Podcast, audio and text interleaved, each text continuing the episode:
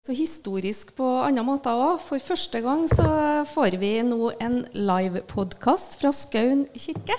Intet mindre. Det ser veldig sånn teknisk ut her, da, det, og det er det nok òg. Holdt på lenge og forberedt seg på dette her.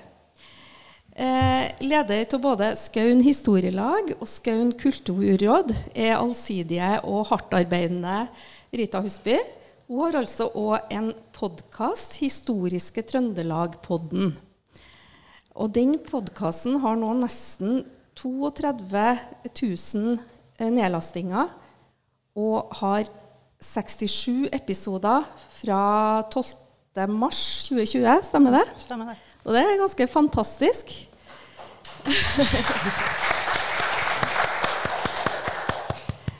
um, Kjell Brevik, som er da samtalepartneren til Rita, han er utdanna arkeolog og han jobber i tillegg på Melhus folkebibliotek. Og mange av dere kjenner ham sikkert eh, som en flink guide herfra, på guida turer her i skauen. Han er kunnskapsrik og glødende interessert i faget sitt.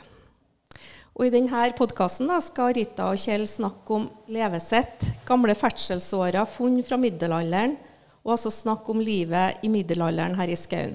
Spennende.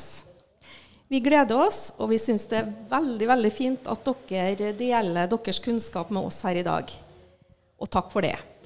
Og vær så god, podkast i vei.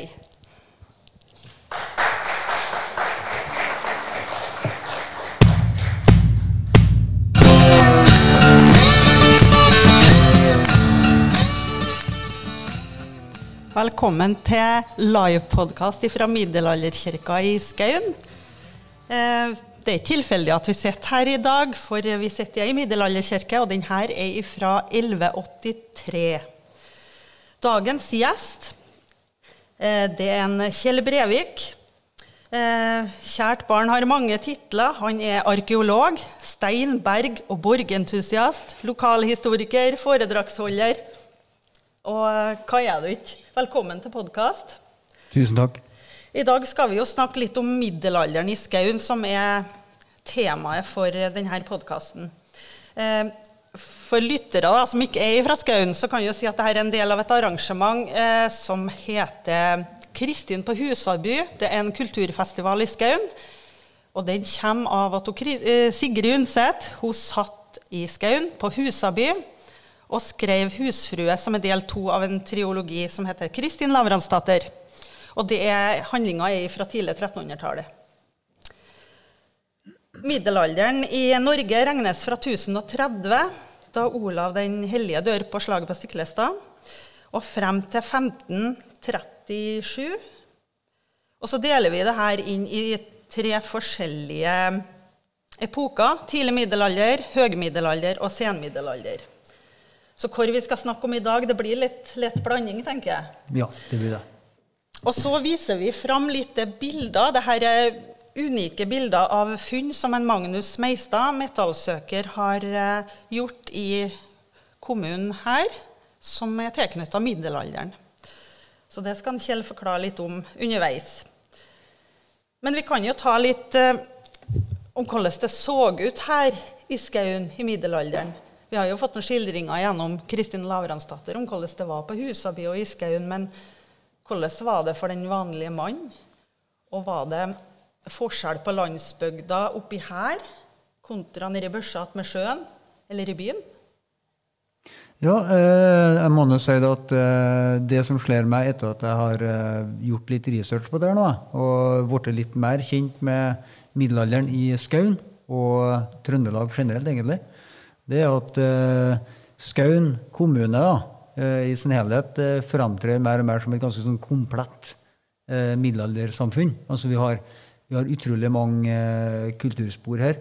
Både litterært, eh, ikke minst eh, gjennom skildringene til, til Sigrid Undset, som du sier. Men, som da er fiktivt, men basert på historiekunnskaper. Mm. vi har fryktelig mange, mange, kulturminner i landskapet som kan dateres til middelalder.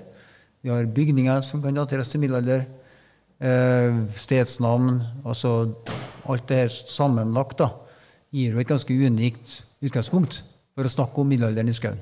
Så Eh, blir mest litt eh, andektig når jeg blir presentert for det materialet.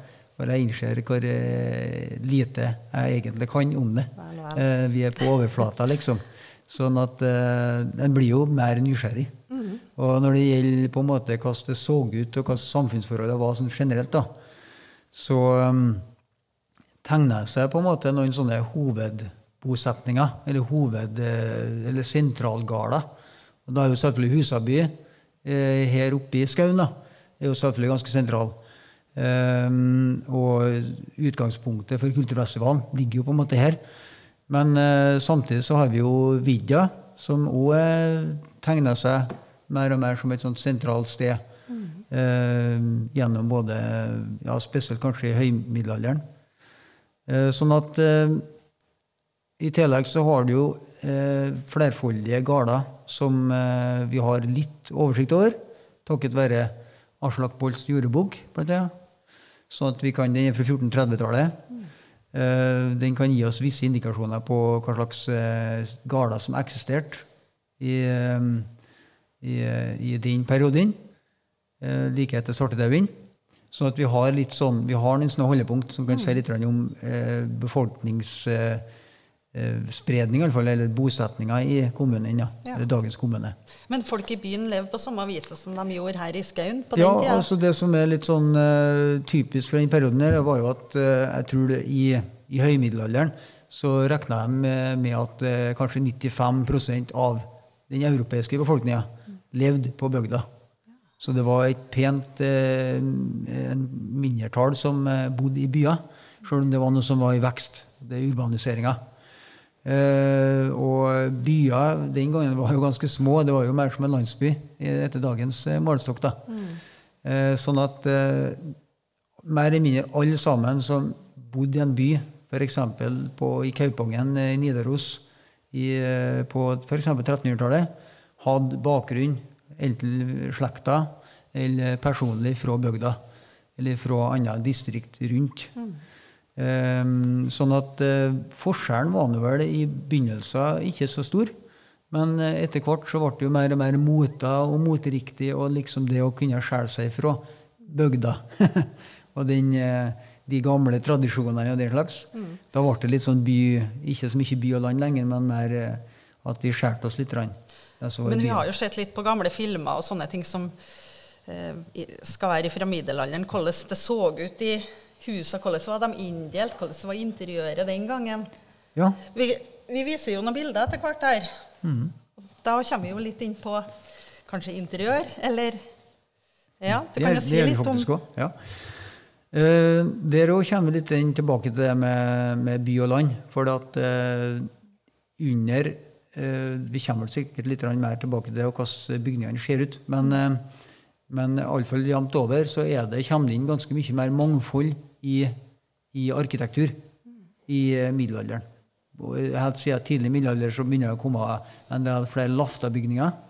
Eh, Det ser vi både gjennom arkeologiske utgravninger ute i distriktene og i, selvfølgelig i bygrunn, som er hovedkilden for det.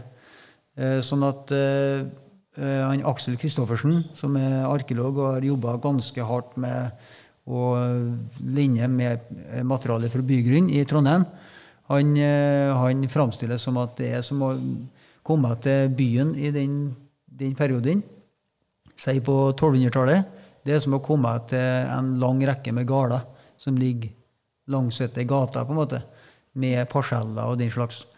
Eh, og der det er noen laftabygninger i enden, på en måte. Ja. Og litt sånn spredt eh, bebyggelse med diverse småhus. Eh, sånn ville det nok ha vært her òg, i, i skauen. Du ville ha hatt sånne klyngetun med spredt med mange bygninger, mer sånn som vi ser det på enkelte bevarte klyngetun i dag. Mm. Der du har hatt drøssevis av små og store bygninger. Og enkelte bygninger har sikkert stått der fra tidlig fase, sånn vikingtid, og andre bygninger av nyere dato. Så, så hvordan de var interiøret, der er jo litt sånn eh, Det var nok ikke så gærent mye eh, lys som kom inn. Det var ganske mørkt i de fleste bygninger. Du har f.eks. røkstua, som, eh, som er en sånn etterlatenskap fra den middelalderen. Uh, og det hvis du har vært inne i ei røkstue, så vet du òg at eh, eh, det er ikke noe særlig mye lys som kommer inn. Det er bare jorda liksom oppi taket, og så er det nokså mørkt og, og ganske røkfylt. Sånn at eh, litt innstengte lokaler med, Jeg vil tro en del lungeskader etter hvert på folk. En del sot. Mm. det er iallfall sånn. Men klart, her er det forskjellige nivåer. Så jeg vil tro på Storgardene så ville det sett annerledes ut. Med flotte loft og, og uh, flere etasjer, f.eks. På enkelte loft. da. Så har vi bildet her. da. Du kan jo fortelle litt om hvor det her egentlig er. Og noen som foreslo at det var en verdens eldste kronkake. Ja, det har et eh, navn der. Eh, Jeg kommer ikke på akkurat hva det kalles i faglitteraturen. En stikkert. En stikkert er det. En stikkert er jo sikkert en gjenstand som folk kjenner fra nyere tid òg. Eh, denne her er jo faktisk eh, datert til ca. middelalder. Eh, og er da et av de flotte funnene som Magnus Meistad har gjort i løpet av det siste tiåret, eh, som gir oss mye mer kjøtt på benet, rett og slett, rent eh, materielt. Eh, Stikkerter og sånne gjenstander som eh, var ganske lett å smi her på, på smiene på gårdene. Og eh, det er rett og slett en mulighet for å ha belysning innendørs ved at du stikker denne stikkerten innimellom lafta eh, tømmer og har en lyskilde ved å sette oppi eh, lys oppi En toppen. fakkel eller En slags fakkel, på en måte. Kunne det være noe sånt i kirka her? Det kunne det sannsynligvis ha vært. Eh, nå er det jo ei steinkirke der, da. Sånn at, eh, men det ville ha vært noen sånne nisjer her og der som gikk an å bruke til sånt. Eh, har dessverre litt for lite kunnskap om inventar i kirka, men eh, det er jo en del lysestaker der da, i kirkene. De var jo litt opptatt av at det skulle være litt uh, effekter i, eh, under messer og sånne ting. Så en del av de middelaldergjenstandene som er bevart, f.eks. ifra uh, ifra Gauldalen, er jo en del sånne lysestaker ifra kirke, Ja. eller fra middelalderkirken. Ja. Vi må bevege oss litt fra det ene temaet til det andre her. For det er mye vi skal rekke gjennom. Ja. Eh, vi skal snakke litt om mat og drikke i middelalderen. Det var vanlig med to måltid om dag. Eh, og det var veldig synd å bryte nattens faste altfor tidlig på dagen. Så middagen var mellom klokka 10 og klokka 14. Og så var det et måltid på kveldstid. Og da har jeg lyst til å ta med noe, for på sene kveldsmåltid så var det ofte alkohol inne i bildet. Og da, da drev de på med litt sånn forbudte ting. Det kunne være uanstendig flørting, eh, grove vitser og gambling. Og da kommer vi over på en artig gjenstand som en eh, Magnus har funnet her. Gamle terninger. Det var jo litt gambling. Det kunne kanskje være litt uskyldig òg, men Det, det var mye gambling. Eh, De kaller eh, 1200-tallet i, eh, i eh, Norge blir kalla liksom sånn brettspill, eller spillperioden i eh, middelalderen. For Det ser ut som at det er en slags eh, ganske sånn merkbar økning i forskjellige sorter spill. Eh, eh, ja, ulike typer spill, og ikke minst frekvensen i funnmaterialet fra, fra gamle middelalderbyer. Det er ganske økende eh, for spillbrikker av ulike slag. Terninger, er slags brettspill. Hvor var de her funnet hen? Eh, de er funnet, skal vi se, Teigen, eller Teia, da. I børsa? Det er børsa, ja. Det er vel i uh, Meistadgrenda. Kan ikke det stemme? Ja. Magnus nikka. Han eh, vet eksakt hvor den er funnet. Akkurat det rette gjerdet. Og hvor er de laga av? Eh, det er kobberlegering. Eh, sånn at eh, Der står det jo ganske tydelig at den er, har form som et rektangulært prisme. Eh, og det er et stort mangfold i hvordan du, ut, eh, utformer brikker eh, i middelalderen. Og det er nok knytta til at det er forskjellige spill. Og, men ofte så er så her brikkene kanskje brukes som et spill i seg sjøl. Eh, som et sånn hasardspill. Det var mye sånt. Eh, så folk spiller seg jo fra gal grunn den gangen, som de har gjort senere i verden. Um, og det ble etter hvert forbudt. Så jeg lurer på om det er Magnus Lagabøtes landslov som eh, forbyr eh, bruk av spill, spillbrikker, eller terninger, mener jeg. Fordi at eh, det, det bidrar til en del sosiale, eh, sosial elendighet og økonomisk elendighet pga. denne her hasardspillinga. Eh, kan jeg si at eh, eh, vi har en del Dette er jo et av ganske få funn av sånne gjenstander fra distrikt. Eh, det er en del funn av spillbrikker i Trondheim, eh, langs eh, Kjøpmannsgata bl.a. Men ute i bygdene så er det ikke noe vanlig å finne sånt. Det var iallfall ikke det fram til metallsøking ble mer utbredt. Eh, vi har et funn fra Stensetten på, ute på Hølland. Det er ikke så langt herifra i luftlinja iallfall. Og der er det funn av sånne skifer, runde skiferbiter som eh, har blitt funnet i store mengder. Putta inni ei eller eh, sannsynligvis ei rydningsrøys. Eh, gjemt under ei rydningsrøys. Sannsynligvis en gang på 1200-1300-tallet. Akkurat som den har prøvd å gjemme det unna, eller stikke det unna. Kanskje kjerringa på gården som er skitlei av at karen har spilla for mye, eller noe sånt, og gjemmer det bort. Det kan være, og lager seg en del artige historier rundt det, i alle fall. Så spilling det var nok ganske utbredt. Eh, og det er noe som vi ser helt tilbake til vikingtid. Eh, de hadde sånn eh, brettspill. Forløperne til, til dam, annet. Sånne spill som vi kjenner fra moderne tid. Men hoppa litt her nå med Ja. mat og drikke. Jeg må jo lese meg litt opp hver gang jeg skal på et nytt tema her. Og da leste jeg noe artig. De åt jo mye grønnsaker under middelalderen. Og da var det to typer gulrot. De har ikke den oransje gulrota som vi har i dag, for den kom ikke til Norge før på 1600-tallet. Så var det ei rødlilla gulrot som var den fineste, og så var det ei som var gulgrønn, som var for dem som var litt, var litt dårligere. Men bortsett fra grønnsaker, da, hvordan annen mat hadde de? De har vel litt husdyr og dyrka litt korn? Mm, eh, nå har ikke jeg vært med på så gærent mange typiske middelalderutgravninger. Jeg har vært med på noen av dem i, eh, i Bygrunn i Trondheim. Eh, I tillegg så har jeg vært med på en ganske unik utgravning på, eh, på Foss i eh, Melhus, eller Horg, da. Der det var òg funnet et eh, middelaldertun, eh, av alle ting. Ute på bygda. Det er litt unikt. Det er ikke noe vi undersøker hvert år. Eh, det som slår meg, er at eh, bandmaterialet fra den eh, lokaliteten på Foss, det middelaldertunet som vi kaller Fosstunet, det er ganske begrensa sammenligna med det vi har fra Bygrunn. Eh, det er akkurat som om de har fråtsa i eh, mat der. Det har de jo sannsynligvis gjort eh, lenger ute på bygda òg. Men eh, er, og der er det sånn at når du først begynner å bli med på en sånn utgravning, så er du litt sånn opptatt av at du skal ta vare på alle bena. Sånn er det jo ofte. Du kan ikke hyve noe. Eh, men det får du fort beskjed om at eh, slapp av, vi kan ikke ta vare på alle beina. Det er sånne mengder.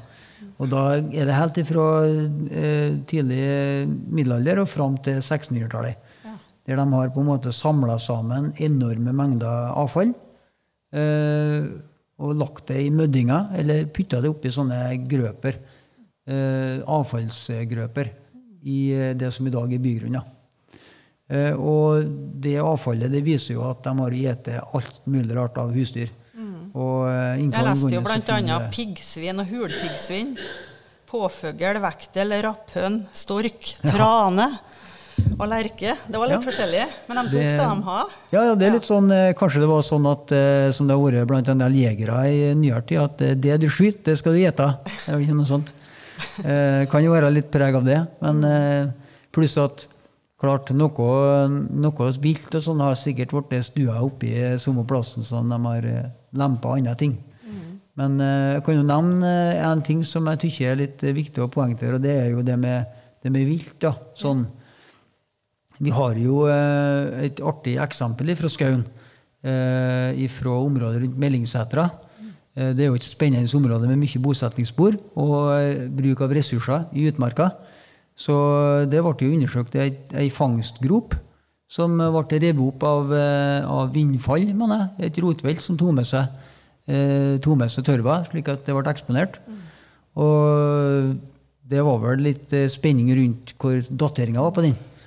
Eh, om den kunne være fra middelalderen, f.eks. Eh, det viste seg at den var vel ifra eh, sånn at tømmeret som var bruka, var felt etter 1830-tallet, tror jeg. Men det kunne jo vært skifta ut. Det kunne jo vært skifta Så ut, sånn at sånne være- Mm. anlegg har vært i bruk ganske lenge. Eh, sikkert tilbake til vikingtid. Og de fleste av dem har vært i bruk i middelalder og ganske aktivt. Så det er klart, der er det jo en kilde Mm. til protein som har vært ganske viktig ute på bygdene. For dem som ikke hadde tilgang til villrein og Ja, ja. massefangst i fjellet. Så de drev massefangst av elg i låglandet, sånn rundt her. Her har vi en eh, ny gjenstand. Gryteøre. Ja. Vi jo en eh, type gjenstand som eh, er vanlig å finne i, eh, i bygrunn, f.eks. Ja. Men ikke akkurat en daglig foreteelse å finne det sånn på vanlige utgravninger ute i bygda. Fordi at igjen så har vi en sånn, en huskeråd. En rest av gjenstander som er bruka til preparering av mat. Um, Og der har vi en grytfot. Nettopp. Grytene så vel likeens ut da som de gjør nå. De har en sånn uh, tydelig sånn middelalderform, mange gryter. Oh, ja. Og de har ganske sånn kraftige foter. Sånn, uh, sånn at når du først finner en sånn en, enten om den er til keramikk eller om den er av metall uh, Her regner jeg med kanskje det er kopper inne i bildet. Det er ofte det når det gjelder gryter, iallfall. Og da, da, da ser du ganske fort at det er type middelalder. Du kjenner det igjen, på en måte. Du får sånn middelaldervibber. Så det, men det er artig, for det er klart det er jo avfall der. Det er jo det meste av det vi finner. Men eh, det er sånne småting som forteller litt om, eh, om at eh, ja, matstell og, og servering. Neste bilde, drikkehorn, det var vel fra Storset.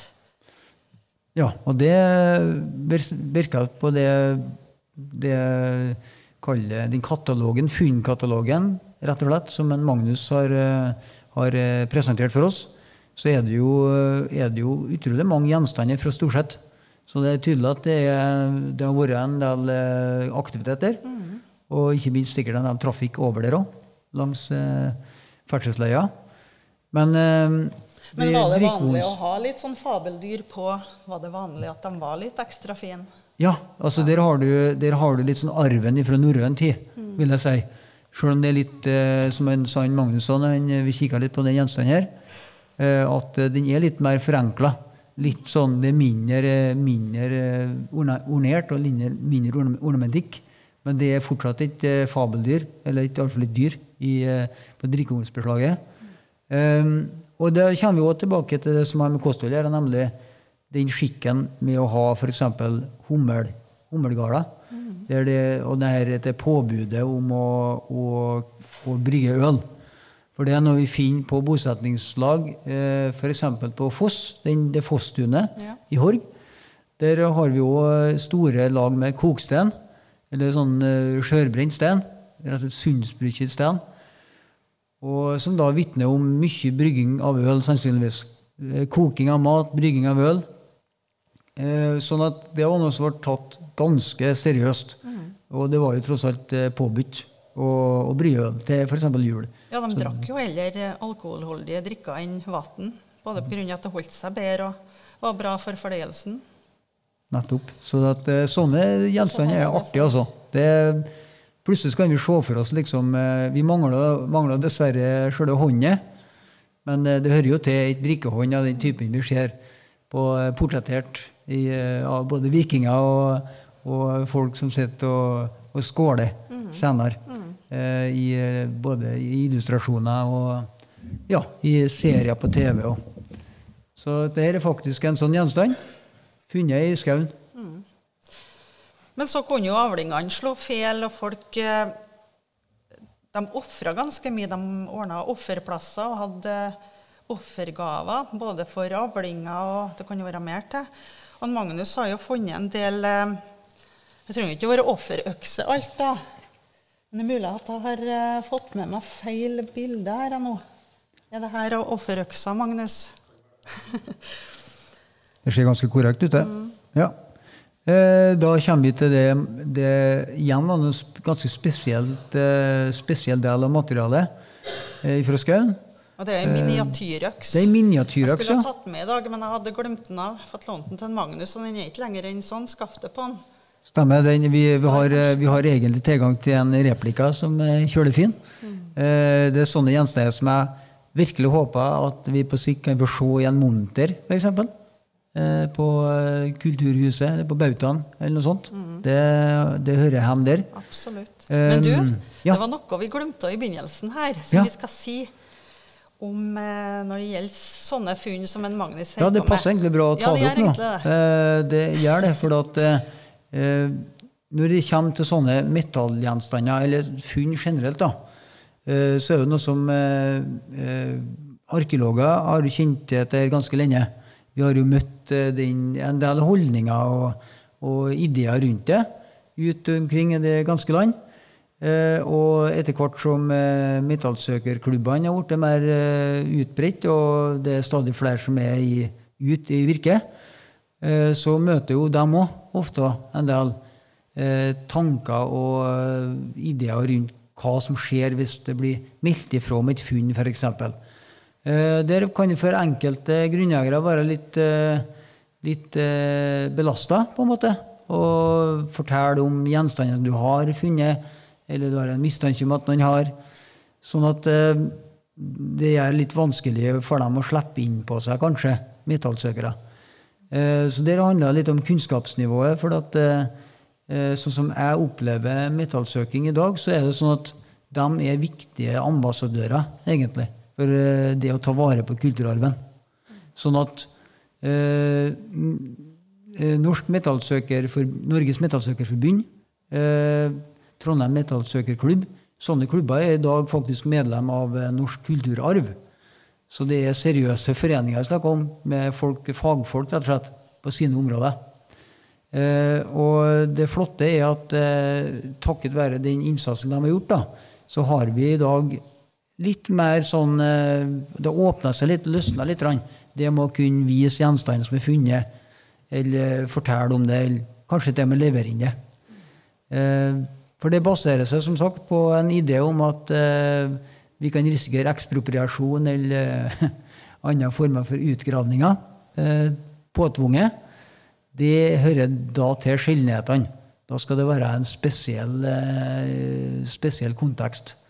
Der det har skjedd eh, inngrep ulovlig, f.eks., i et kulturminne. Så eh, det var litt kort om det. Men dette er jo da sånne gjenstander som kunne jeg risikert å bare blitt lagt i ei skuff. Og ikke noe mer. Men eh, siden vi da har eh, metallsøkere lokalt som faktisk eh, sikrer materialet, sikrer funnsted eh, i, i, eh, med avtale, gode avtaler med grunneiere, så får vi sånn ordentlig kvalitetssikra funn som kan gi oss unik informasjon.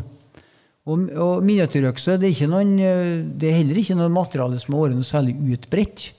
Eh, Jeg har, tror ikke jeg har hørt om miniatyrøkse egentlig før eh, de siste åra. Og da har da han, Magnus Meinstad prestert å finne tre stykker i én kommune på bare noen år. Det er ganske interessant. Kanskje har det vært mer utbredt enn vi tror. Det er det som ofte blir resultatet. Miniatyrøkse det er da en eh, slags eh, hva skal kalle en kategori som vi kaller amuletter. Eh, Vi har kanskje litt for å tenke at det kan være leker. Men det er en del sånne slitasjespor på dem som tyder på at de kanskje har vært knuga litt, eller vært haft med inn, eller sånn at de har liet og gnidd inn mot, en, eh, mot klær, f.eks. tekstil, over lengre tid. Liet oppi ei taske eller noe sånt. Der. Eller hengt på et eh, smykke, f.eks. Så det er ikke nødvendigvis, det er iallfall ikke funksjonelle bruksgjenstander det er snakk om. Um, og så er det sånn at eh, barndommen i eh, vikingtid og tidlig middelalder ville nok ha uh, framtona seg litt annerledes enn den er i dag. eh, med kanskje en litt eh, kortere eh, tid fra det vi kaller barndom over til voksenlivet. Sånn at jeg vet ikke om de ville ha bruka så mye tid på å lære opp ungene å bruke miniatyrøkse før de faktisk fikk utlevert ei rettelig øks for å lære seg å bruke utstyret. Så eh, vi kan alltids romantisere litt rundt det og tenke at det er leker.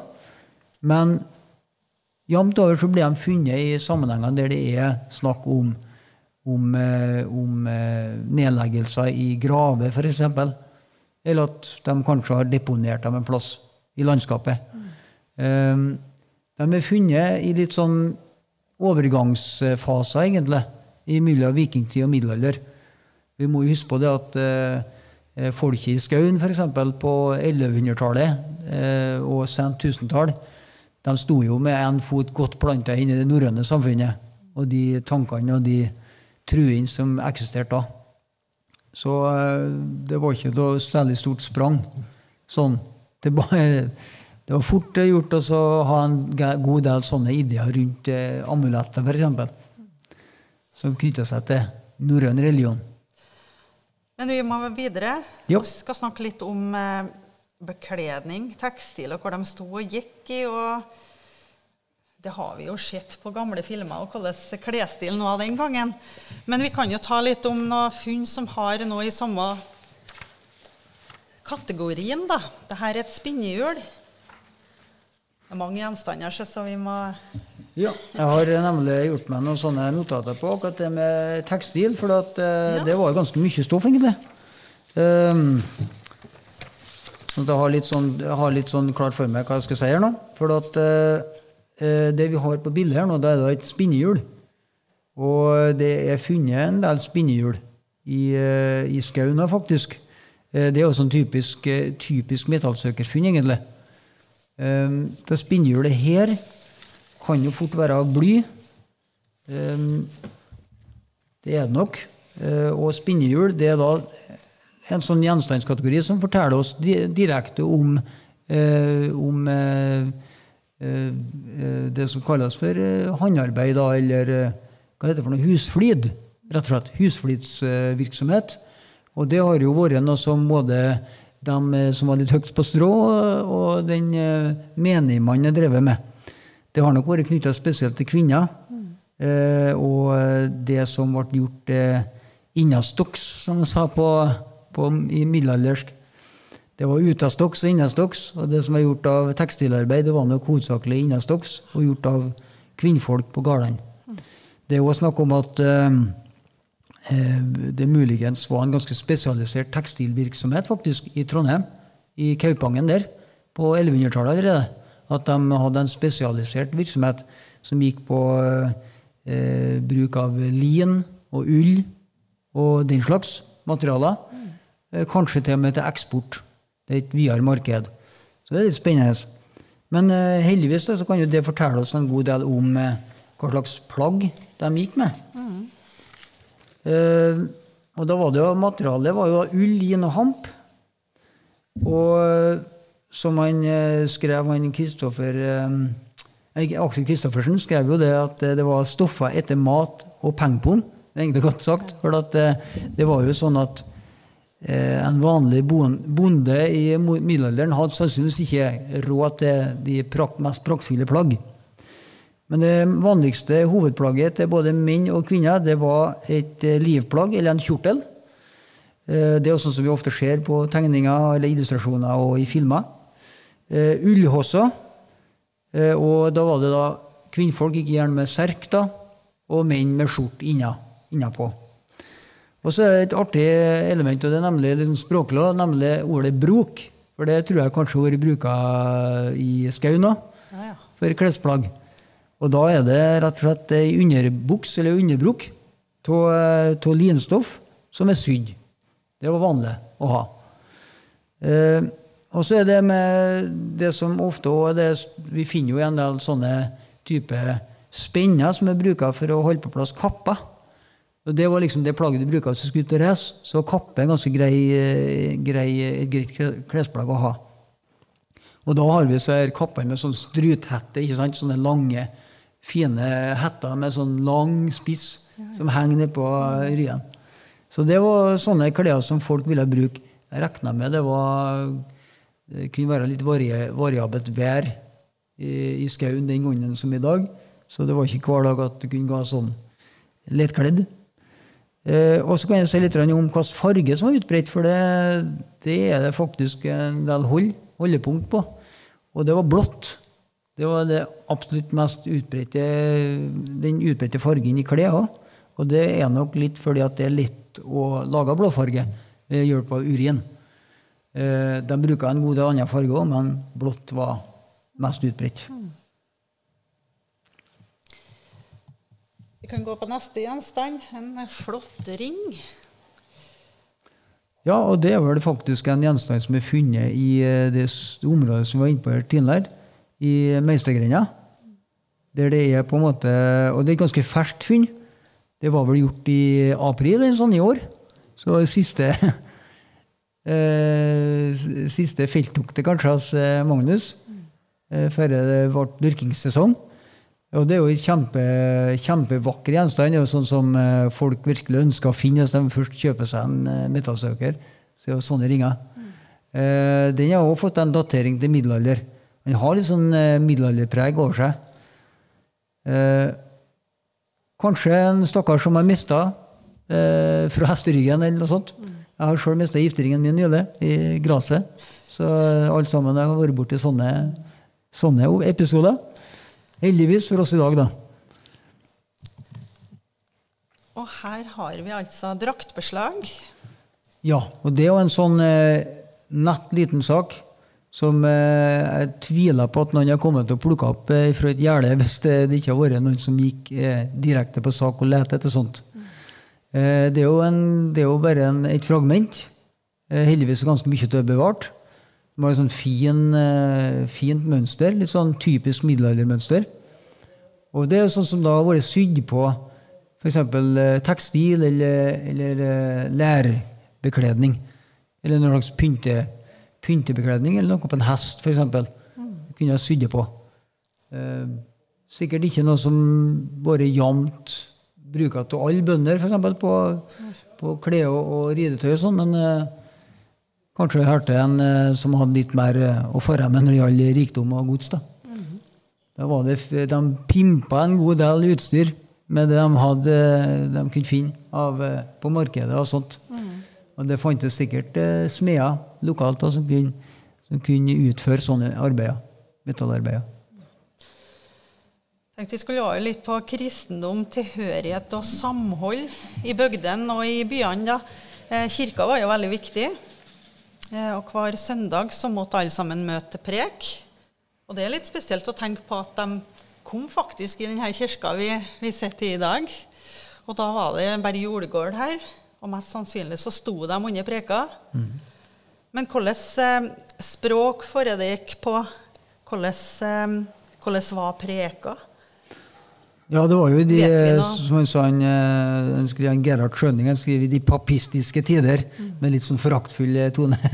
Selv om han var litt fascinert av det òg, han òg. På 1700-tallet. Han for og, for og dokumenterte en god del av de gamle kirkene. fra den Han var jo blant annet innom kirka Han var innom her og kommenterte det. Eh, Men det foregikk jo på latin. det foregikk på latin. Mm. det var nok en ganske stor sånn eh, distanse mellom eh, leg og lærd, på en måte. Eh, og det er dem som eh, hadde en fot innenfor eh, og dem som jobba som prester eller som hadde andre roller, de eh, forsto nok eh, det meste sjøl. Men eh, for folk flest så var nok mye av det litt sånn det var nok mer det, den seremonielle biten rundt det som var, var det viktige. Ikke kanskje alt innholdet. Nei. Men jeg vil tro at sånn som folket som bodde på gården i, på vidda, f.eks., eller på Husaby, de hadde sannsynligvis såpass gode, gode kunnskaper, kanskje til og med i latin, at de kunne forstå en del av det. Eh, nå var det ikke noen kanskje at de var sendt på skoler rundt omkring i Europa, men eh, det at de hadde f.eks. en sånn høgendeskirke på gården sin, det kan jo tyde på at de har hatt såpass eh, tett omgang med prester, f.eks., at de òg kunne ha lært seg en del. Um, men sånn for, for folk flest så var det nok en ganske stor distanse mellom språk og hva, hva de fikk ut av det. Men det var enkelte gloser ikke sant, som hang ved, sånn, eh, som de, som de eh, forsto var f.eks. trosbekjennelser og, og eh, en del sånne Så det var jo uttrykk. ganske strengt, men de kom jo hit for å samles og kanskje få siste nytt. og Det var nå liksom et knytepunkt Det var det. Møtepunkt for folk i bygda. Det er en, det er jo et fantastisk syn. Både, både det, å, det å stå stand oppå, oppå Husaby, oppå kirkeruinene der, og du skjønner liksom ser hele omlandet. Og likeens når du, når du bikker og kommer fra Vassbygda der og kommer ned bakkene her og ser den kirka her da, ja. på avstand. Mm. så skjønner jeg liksom at det, det blir som et eh, Selv om spiret ikke var der i tidlig middelalder, så er det på en måte en akse som det blir kristent på Husaby òg, Mm. i festivalsammenheng. Så det var nok en møteplass til gangs. Ja. Det var det. Og Sigrid Undset hun hadde jo en far som var trøndersk arkeolog. Ingvald Undset. Hva vet vi om han? Ja, Ingvald Undset. Eh, Jeg har til og med notert meg her eh, hvordan Han levde altså fra 1853 til nitt- til 1893.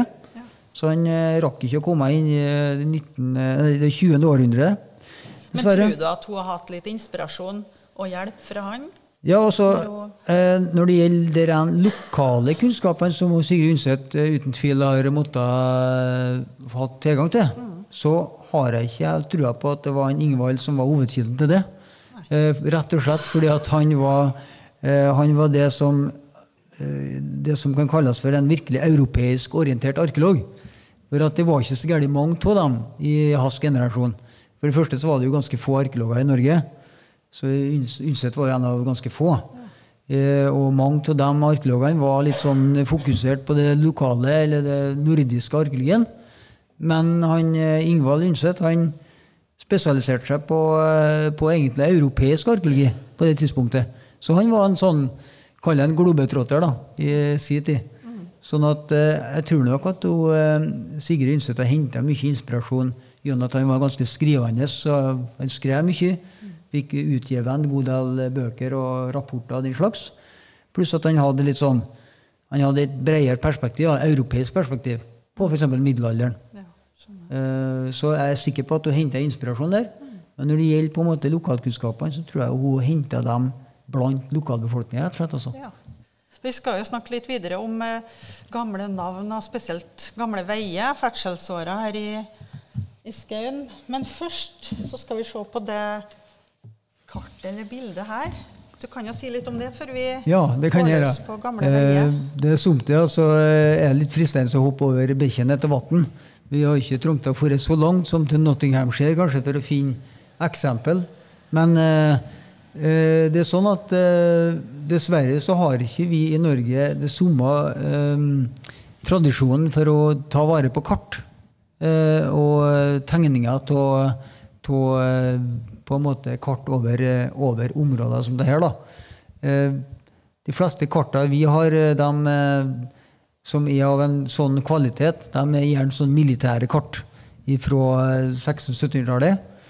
Men i England så har de hatt en tradisjon for å og Likeens Sverige òg. En tradisjon for å tegne hver eneste parsell og navngi dem og nummerere dem osv.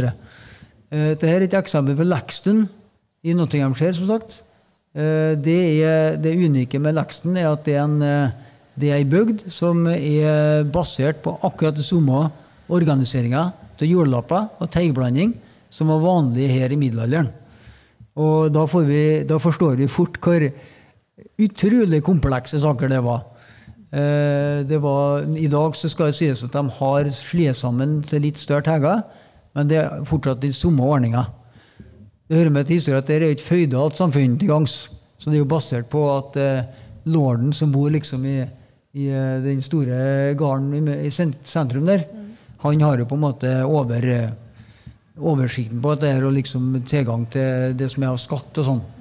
Men um, som en slags mellommann til kongen, eller dronninga. I dag så er dronninga som regnes som overhode, faktisk, for, den, for dem som driver på det her. Um, men fortsatt så bøndene i området her, de, de har teigblanding. Og dyrker på smale parseller. Sånn som de ville gjort både i byene og ute på bygdene i middelalderen. Igjen, men det ser du kanskje på flere plasser. Ja, Ja. det er det. Altså, vi, har, vi har litt att av det i Trøndelag og fortsatt. Vi har enkelte bygder der det ikke er skifta så mye. Og da er det fortsatt sånn smale strenger. Ja. Så um, Det er et eksempel bare for å illustrere i alle hvordan det kunne ha sett ut. Hvis du så det som et lappeteppe. Et sånn mosaikklandskap. Neste bilde har jeg tjuvlånt fra Kristin på Husaby og Hallgeir Aune. Eh, for det her illustrerer så godt og viser hvordan gamle ferdselsveier det var under Kristins tid, i hvert fall. Mm. Um, men jeg tenker vi skal snakke litt om tre veier. Den gamle Kjerskveien ifra, ifra Vigja og over til Ribøgda. Da har han jo Mikael Aunan eh, nettopp merka, så den er den er det bare å gå. Da går opp i Fregklev opp Ribøgda, så er det godt merka innover. Og Her skriver jo bl.a. Sigrid Undset at Kristin kommer til Børsøra, Øren ved Bergsi, eh, da Erlend skal ta med kona si til Skaun. Og Da beskriver hun det at de rir til vidda, og så over Kirkeveien hit. Høres kanskje litt tungvint ut, men det var noe sånn hun beskrev det. Mm. Så den kirken var nok mye brukt under middelalderen òg. Ja, det, det, det, var kjempeinteressant å kunne sette seg inn i. For det er vel hun Gerd Sørå ja. som hadde skrevet eh, om i forbindelse med åpninga av Nyvenn, eller E39. Det var i 2005 så ble det iallfall gitt ut ei bok som er kjempeinteressant for alle som er interessert i veihistorie. Og den eh, selger vi borti en bod ja, på markedet der. Ja, den anbefaler jeg. eh, og hun har jo på en måte behandla det her ganske grundig. Og, og sannsynliggjort litt og, og, prøvd å koble det til det vi kjenner av andre funn. Mm. Um, og den strekninga der, den er F.eks. på det kartet som uh, Hallgeir Aune har laget her, da, så er det jo, mangler det jo annet et strekk som, eh, som Magnus eh, Meistad har god kunnskap om, nemlig der de områdene han finner ganske mange funn langs eh, gamle ferdselsårer over Orstad og det området. Der er det ganske blankt på kartet, men det, det, beviser jo bare at det er klart det er mange lokale veier som har vært av, av sentral betydning, som ikke er med på kartet. Mm. Og de men, skulle absolutt være registrert? De skulle være, absolutt være registrert, dem òg. Akkurat som det han Mikael gjør nå, med Kirkeveien. Eh, det er jo beskrevet som en ganske sånn eh, flott vandrerute sommerstid av Gerd Sørå. Eh, jeg, skulle, jeg ønska virkelig å få lov til å bli med på en runde der, jeg òg. Så jeg må booke meg en, en, vandring med en, Mikael Auna. Mm. Men som, det interessante her er jo at vi har jo en ganske sånn tett forbindelse mellom, mellom kirkegods her, på en måte, og til og med et kloster. Ja. Et klostervesen som har tilhold da, på vidda i, i høymiddelalderen. Eh, det var spennende ting som jeg egentlig ikke var klar over. Jeg visste at vidda hadde betydning, men jeg har aldri sett meg ordentlig inne. Nei. Så jeg innser nå at uh, vidda er jo faktisk en av de mest uh, sentrale gårdene i Trøndelag på det tidspunktet. Mm. De dyrka vel alle grønnsaker som skal fraktes ut til Munkholmen, bl.a. Faktisk. Da, nettopp. Så det er, det er ikke småtteri. Og det er klart at uh, det å kunne ha en uh, Ja, det, det jo, du ser jo på en måte sånn som det er tegna opp på kartet òg, og sånn som det oppleves i terrenget, har jeg forstått, så er det rett fram. Det er ingen sånne runder rundt overalt. og Det er litt sånn som, du, sånn som de gjorde det i i eh, vikingtid, eller i jernalderen og i middelalderen. Det var ikke noe bøttehangprinsipp. Du gikk rett fram for å komme fram til målet. Og da hjalp det ikke om det var myrete og berg. og du, du, gikk rett fram. Og det har vi jo faktisk en del eksempel på at de har tilrettelagt for. Vi skal ta med Hermansveien òg, som kommer sørfra, over Rennebu og Meldingsetra. Mm. Og den går jo egentlig over mot Husaby og mot Buvikan, følger pilegrimsleia. Men så har jeg jo funnet i Sverres saga så skriver de faktisk om at baglerne var på vei mot Nidaros for å jage birkebeinerne. Og da for de denne leia. Men da tok de en liten omkrok ned til Eggkleva, på Eggene. For der bodde en eh, eh der bodde en kar som heter for Skjeggi. Han Skjeggi på Eggene. Han var en, eh, en betydningsfull mann på kong Sverres side. Og han tok dem da og slo i hjel før de for videre. Mm, mm. Ja. Og den veien jo, var jo veldig mye brukt under middelalderen, vil vi tro. Ja, ja absolutt. Og det, når den begynner liksom å Eh, Det er ikke så mange som har jobba med det materialet i nyere tid, egentlig, bortsett fra dem som gjør en kjempejobb nå med å tilrettelegge dem og rydde dem igjen. Mm. Så det var en runde på sånn eh, midt på 90-tallet og fram til sånn, ja, ca. den tida hun, hun Gerd Sørås skrev den, eh, den boka si, at det har gjort en del eh, sånn, kan du kalle eh, forskning da, på det lokalt for å liksom få kartlagt veiene og sånn, og sette dem i en sammenheng. Og det er klart at det med, Da er vi tilbake på det, det perioden at det med pilegrimer ble revitalisert. Eh, og at Trondheim ble, et, ble en viktig sånn, et pilegrimsmål igjen, etter å ha vært ganske labert eh, bruka, eller lite bruka som det. Sånn at eh, den, den strekninga som går eh, den Hermansveien, da, det er jo ganske spesielt at vi faktisk har navn på den. For det, det legger jeg merke til i mange andre områder så har vi lange strekk med historiske veifar som egentlig ikke har noe ordentlig navn. Og Det er så flott med Skaun, for de har på en måte navn på lange strekk som kan brukes litt aktivt. Så det er ingen tvil om hvilken vei det er. F.eks. Hermansveien. Til slutt så må vi nevne Einars vei. Eh, Den er kjent for ganske mange. Eh, Det var en Erik Saltnesand som fikk med seg en eh, gamle Anders Eidsli, han var født i 1906, til å påvise denne veien i 1948. Det er ikke så mye igjen av den, men den er vel tegna inn på kartet her, tror jeg. Ja, det er han. Så ei stipla den gikk da fra Gimse til Husaby. Um, og da fant de kloppe nedi myra. Og det var litt spesielt at de ikke lå på tvers, men de lå på langs. Og det er ganske unikt, er det ikke det? Jo, det er absolutt. Aldri, det var Før jeg leste den boka til Sørå, så hadde jeg egentlig aldri sett tegninger og beskrivelser av hvordan den så ut, den, den kavlveien der. da. Um, jeg kjører jo faktisk over den, over, over der den ville lie, når jeg var på vei hit Ja. fra Horg.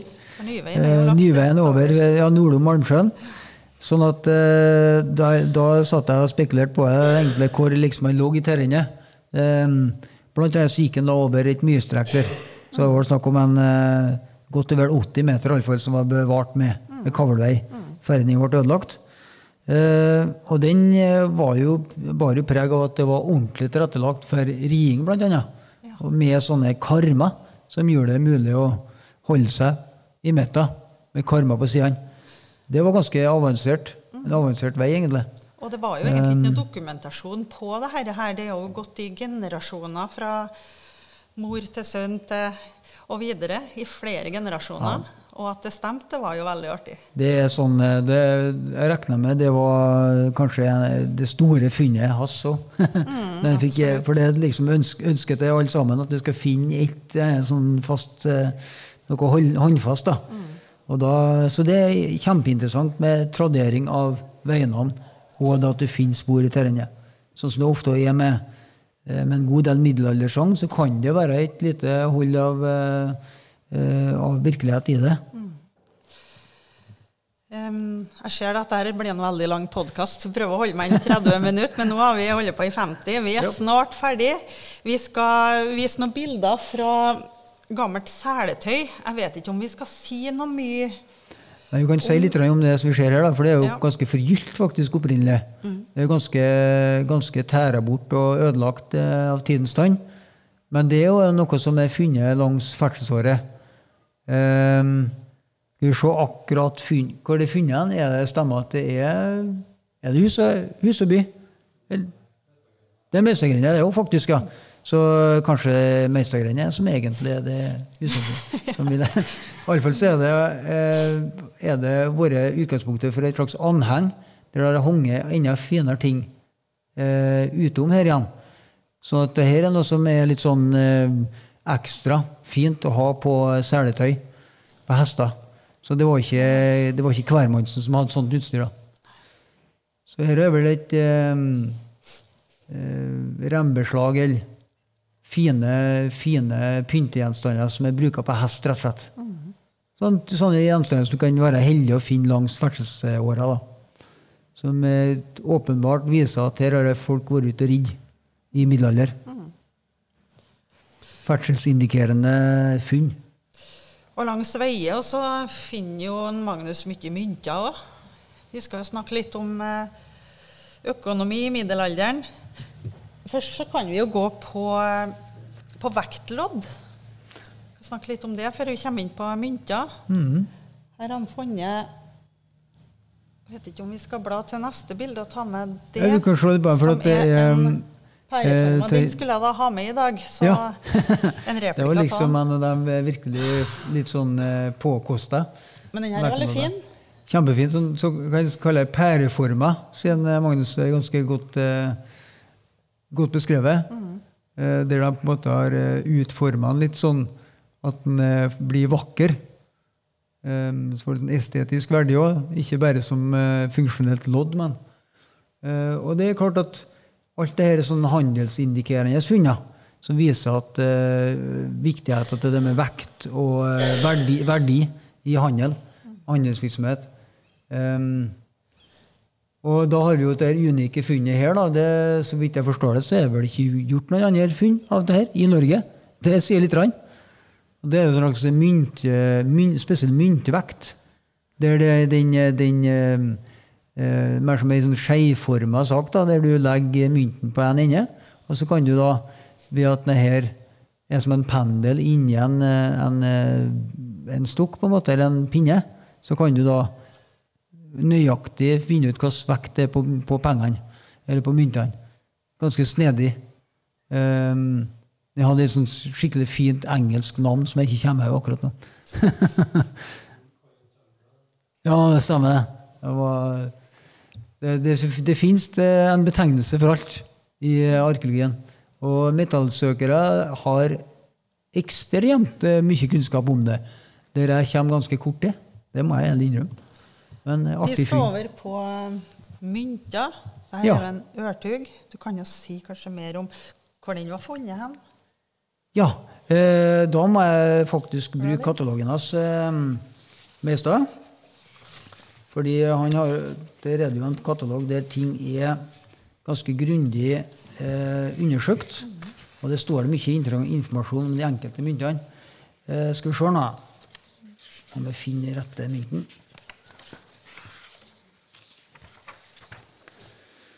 Her har det nok vært aller best om eh, finneren sjøl kunne beskrive litt. Men eh, det, så vidt jeg forstår, så er jo det her eh, senmiddelaldermynter. Stemmer ikke? Ja. Eh, og eh, ørtug av sølv, ja. Og det er vel eh, mynter som er sliet i Sverige. Og da kan jeg egentlig si generelt litt om, om eh, myntene og det at eh, i middelalderen Det er jo senmiddelalder, men eh, generelt i middelalderen så er det et, eh, det er ikke handel- og byttesamfunn. Sånn at eh, til en viss grad så var det en handel der det var viktig, det som fremkom av funn av den, den eh, vekta for mynter, at selvfølgelig har det monetære systemet med verdien av enkelte mynter blitt sentralt. Men samtidig så har også den gamle byttehandelen, der det går i at du bytter varer. Sånn at eh, eh, det er både en monetær økonomi med penger og pengesystem. Samtidig så har du da det gamle byttesamfunnet, der du bytter vare mot vare. Um, og da virker det som at mangfoldet i mynter i Trøndelag og i Skaun tydeligvis da, viser at eh, det er kanskje ikke nødvendigvis eh, herkomsten til den mynten som er det viktige, men heller det at eh, mynten har den og den vekta. Ja, ja. Um, og det er et sånt, uh, det er et sånt fagfelt som er numismatikken. da, er jo ganske sånn Det er så mange detaljer, og det er så mye kunnskap. Og det er en regent for hver eneste mynt. Og et stort felt som jeg skjønner at folk blir betatt av. Men du har en mynt eh, i det materialet, spennende materialet som eh, Magnus har skaffet skaffa til veie. Så har vi en som er ganske spesiell. Eh, de er jo alle spesielle, men eh, det er en som er, egentlig ikke har noen særlig paralleller. Eh, og da leser jeg bare litt opp eh, fra den katalogen. Um, det kalles nyere tid, da. Vel å merke. og Det vil si at den er jeg vil ikke betrakte det som nyere tid, men det er vil si ca. 1555. Det vil si at det er etterreformatorisk tid. Eh, dermed så er vi på en måte har vi fortsatt en god fot inn i middelalder, men vi beveger oss inn mot nyere tid. Eh, og det er da en, eh, en halv taler av sølv. Og den hører liksom til den byen Hameln i Tyskland. Og det er faktisk eh, ei kirke med to store tårn og fire mindre med kors. Byvåpen i inngangen og dato mellom de to store tårnene. Moneta nova civitatis. Og så står det Q Hamel. Og så står det bakside. Og så er det full lengde av Sankt Boniface med septer. Så det her er mye ornamentikk og mye symbolikk inni bildet. Og der står det Sanctus Bonifacius episcopus. Men eh, som sagt, ingen ordentlig parallelle. Kun én annen mynt som er funnet, og den er, den er vel eh, annerledes å se til, eller annen størrelse på den. Men eh, det er det vi har. Så det er nokså spesielt. Flere mynter her eh, av forskjellige bakgrunner. Jeg vet ikke om vi skal si noe mye om eh, Nei, Det er egentlig et tema i seg sjøl, ikke jeg, som eh, det får bli en annen podkast. Mm. Der du får inn en numismatiker som kan fortelle litt mer om de enkelte myntene. For vi skal avslutte litt om eh, runer og innskrifter fra middelalderen. Du har funnet mye sånn i stavkirka. At de mest mest var som ren graffiti. Og her i Skønnkirka så har vi jo steinhuggermerker. Men eh, runer er det kanskje ikke så mye av. Skal vi se, der var det Ble ikke med runebrevet, da. Vi får se. Nei. Da kan du si litt om at eh, det, det virker liksom sånn at eh, både Skaun og Ørkdalen og, og Gaudalen og sånn nærmest liksom kjemisk rensa for, eh, for runeinnskrifter, dessverre. Det, vi har noen få gode eksempler på at vi har det, men eh, da er det mellomalderruner, som vi kaller det. Eh, altså middelalderruner. Og bl.a. blant annet en gravstein fra Grinji eh, stavkirke, som eh, er bevart. Grindesten, eller Grindesten. Eh, I tillegg da, så har vi også her eh, to runebrever fra Skau. Jeg vet ikke om det er funnet noen runebrev hittil i Melhus. Muligens, men eh, en- Hvor var runebrevet her funnet, da? det, det runebrevet her det er fra Storset. Ja. Og så er det dessverre har det datt Ja, bort fra bildene her. det. Jeg kan beskrive litt. Ja. Det er et runebrev, det er altså en eh, blyamulett. Ei blyplate, ganske lita, som er da prega med innskrifter eller symboler. Så herren kan Eh. da brettes ut og leses. Men det blir sjelden gjort, forstår jeg. Ja, Det er liksom det som er litt eh, fortærende tror jeg, for mange av dem som finner det. At de ikke får anledning til å se hva det står på. For Hvor det var Eh, de skrev inni dem, da?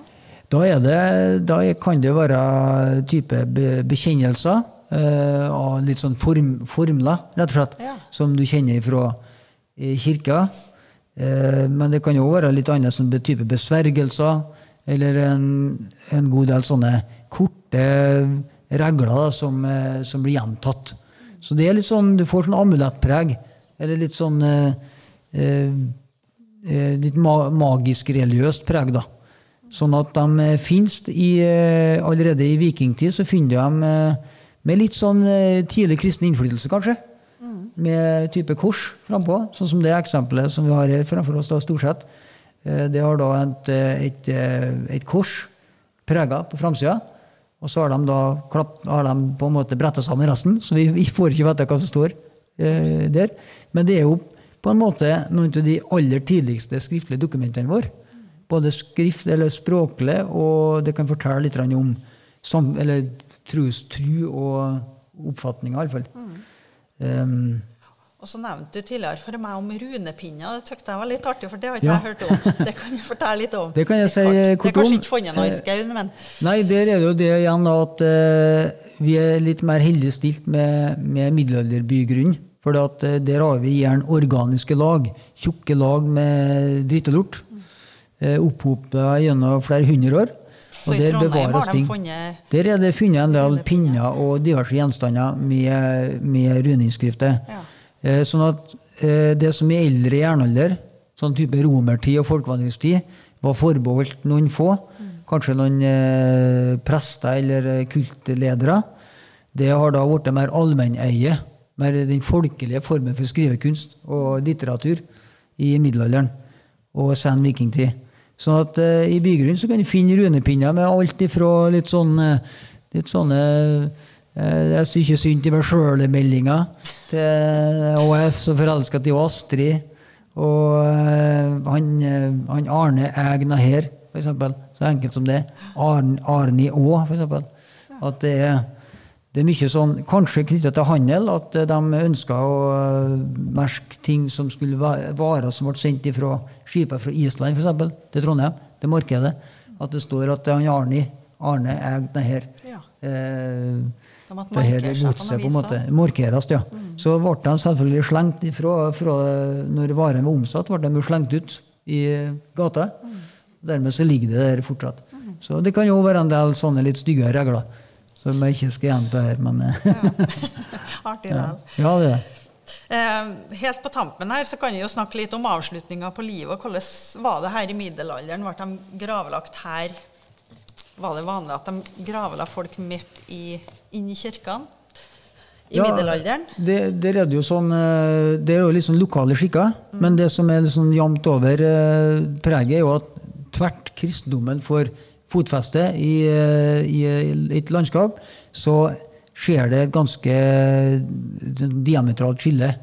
Eller et stort eh, skille fra liksom den, den gamle seden. Tvert så forsvinner gardsgravfeltene og alle disse her, eh, lokale grave, gravene. Og så blir de erstatta med vigsla grunn og begravelser der. Um, og det å, at eh, vi har faktisk eksempel i nærområdet her på eh, det som sannsynligvis er stukkkister med begravelser som er fra eh, faktisk samme tida som slaget på Stiklestad, kanskje tidligere. Kristne begravelser som er da eh, vendt øst-vest, sånn som vi er kjent med fra nyere tid. Eh, men som er kanskje plassert på vigsla grunn uten kirkebygg ennå. Og det er på Grøtom, eh, eller Grøtan eh, kirkested på Hødanda. Der har vi faktisk eh, bevis for det nå. At de har eh, sannsynligvis begrevet folk i ei tid der det, ikke fort, der det fortsatt ikke sto et kirkebygg. Eh, det kan jo være tilfellet her i, i Skaun, at vi har eksempel på det som ikke er påtreft påtruffet ennå.